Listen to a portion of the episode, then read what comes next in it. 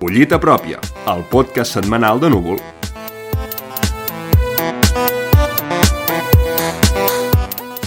Hola a tothom i benvinguts una setmana més a Collita Pròpia, el podcast setmanal de Núvol on repassarem alguns dels articles, reportatges i entrevistes destacats del digital de cultura en menys de 10 minuts.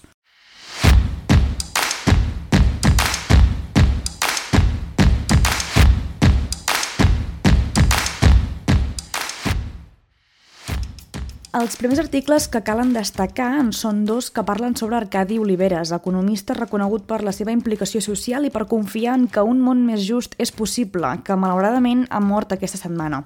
Un d'ells l'ha escrit Teresa Costa Gramunt, que es mostra immensament agraïda per haver conegut l'economista i escriu un article anomenat Record d'Arcadi Oliveres, on explica qui era i com era ell.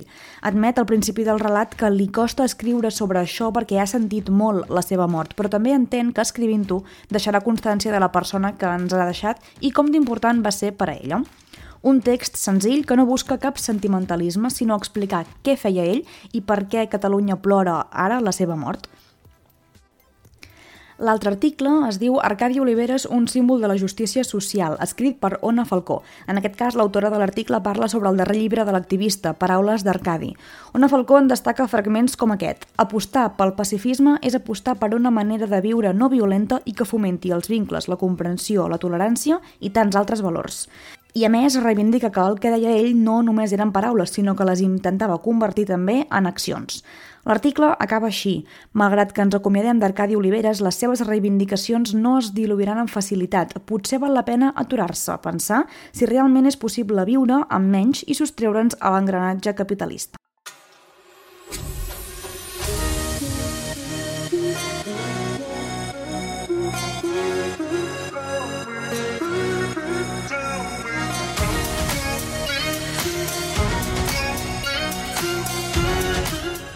Ara passem a parlar de llibres. S'acosta la festa de Sant Jordi i les recomanacions de les novetats literàries ens fan més falta que mai per fer el regal perfecte per a les nostres persones especials. Avui parlarem de dos llibres, un que és una novetat i un altre que, tot i que ha sortit publicat aquest febrer, és una recuperació d'un llibre molt més antic.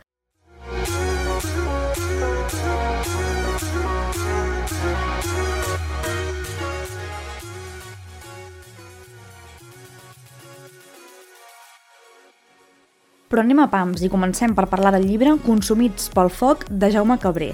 En parla Bernat Puig Tovella. El llibre tracta d'un fugitiu amnèsic que està perdent el control de la seva vida. El mateix Puig Tovella ens fa un breu resum de l'argument del llibre. Consumits pel foc és el relat d'un home que encadena una desgràcia rere l'altra fins a perdre el nord. És un home gris que ha viscut durant molt de temps refugiat en un món de llibres l'Ismael es veu involucrat en un accident que el deixarà estabornit i desorientat. Quan recuperi la consciència, es trobarà atrapat en una espiral de mentides que li farà impossible tornar a connectar amb l'home que havia estat.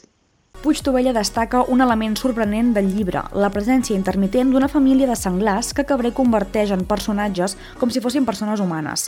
Tenen nom i poden parlar com si es tractés d'una faula, una aparició que és justificada pels moments delirants del protagonista.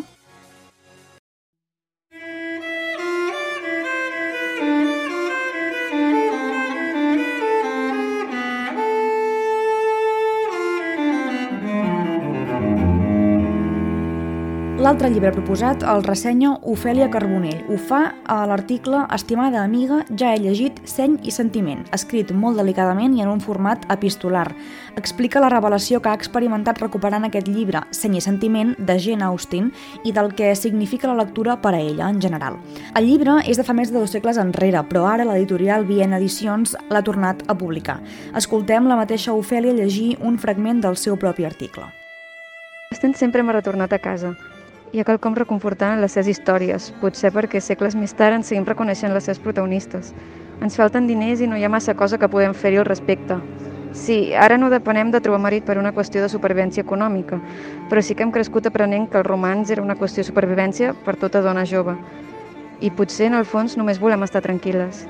Durant tot el segle passat ens han estat dient que l'amor era passió, risc, tragèdia i dolor, tots sentiments sense una mica de seny, Però últimament em pregunto si això no era encara una altra mentida per fer-nos oblidar que estimar també és una qüestió de classe. La llibertat és poder triar. Poder triar un romanç lent, tevi, amb un conflicte fàcil i un final feliç, ràpid.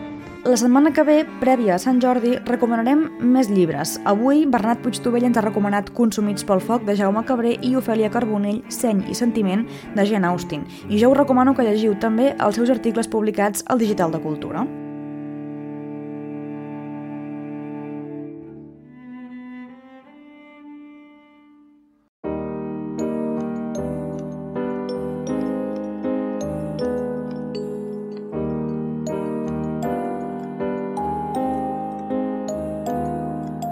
I acabem parlant de teatre. Alba Riera ha fet una entrevista a Marta Galant, que ha creat l'obra de teatre anomenada Forasters vindran. Els amanys del refrany català ara dirien de casa ens trauran. Forasters vindran, de casa ens trauran. No és cap coincidència. De fet, aquesta dita va frapar molt a la Galant quan la va sentir. En va buscar l'origen i, d'alguna manera, a partir d'aquest fet n'ha sortit la seva obra de teatre. Una obra on, evidentment, parla de la migració dels anys 50 i 60 a Catalunya i el patiment que van haver d'experimentar els nouvinguts. També planteja la por que tenen moltes persones a viure en una societat heterogènia i com d'antidemocràtica és la cultura, una obra per reflexionar i que és molt política. De fet, Galant assegura, i llegeixo textualment, que tot art és polític. No manifestar una implicació veritable amb el que està passant ja és un posicionament polític en si mateix. Per mi, qualsevol pràctica artística o estètica és una pràctica política, encara que no la facis evident. Forasters vindran. Aneu a llegir l'entrevista que ha fet Alba Riera, aquesta autora de l'obra del teatre, Marta Galant, per descobrir moltes més inquietuds de l'autora a l'hora de crear aquest guió.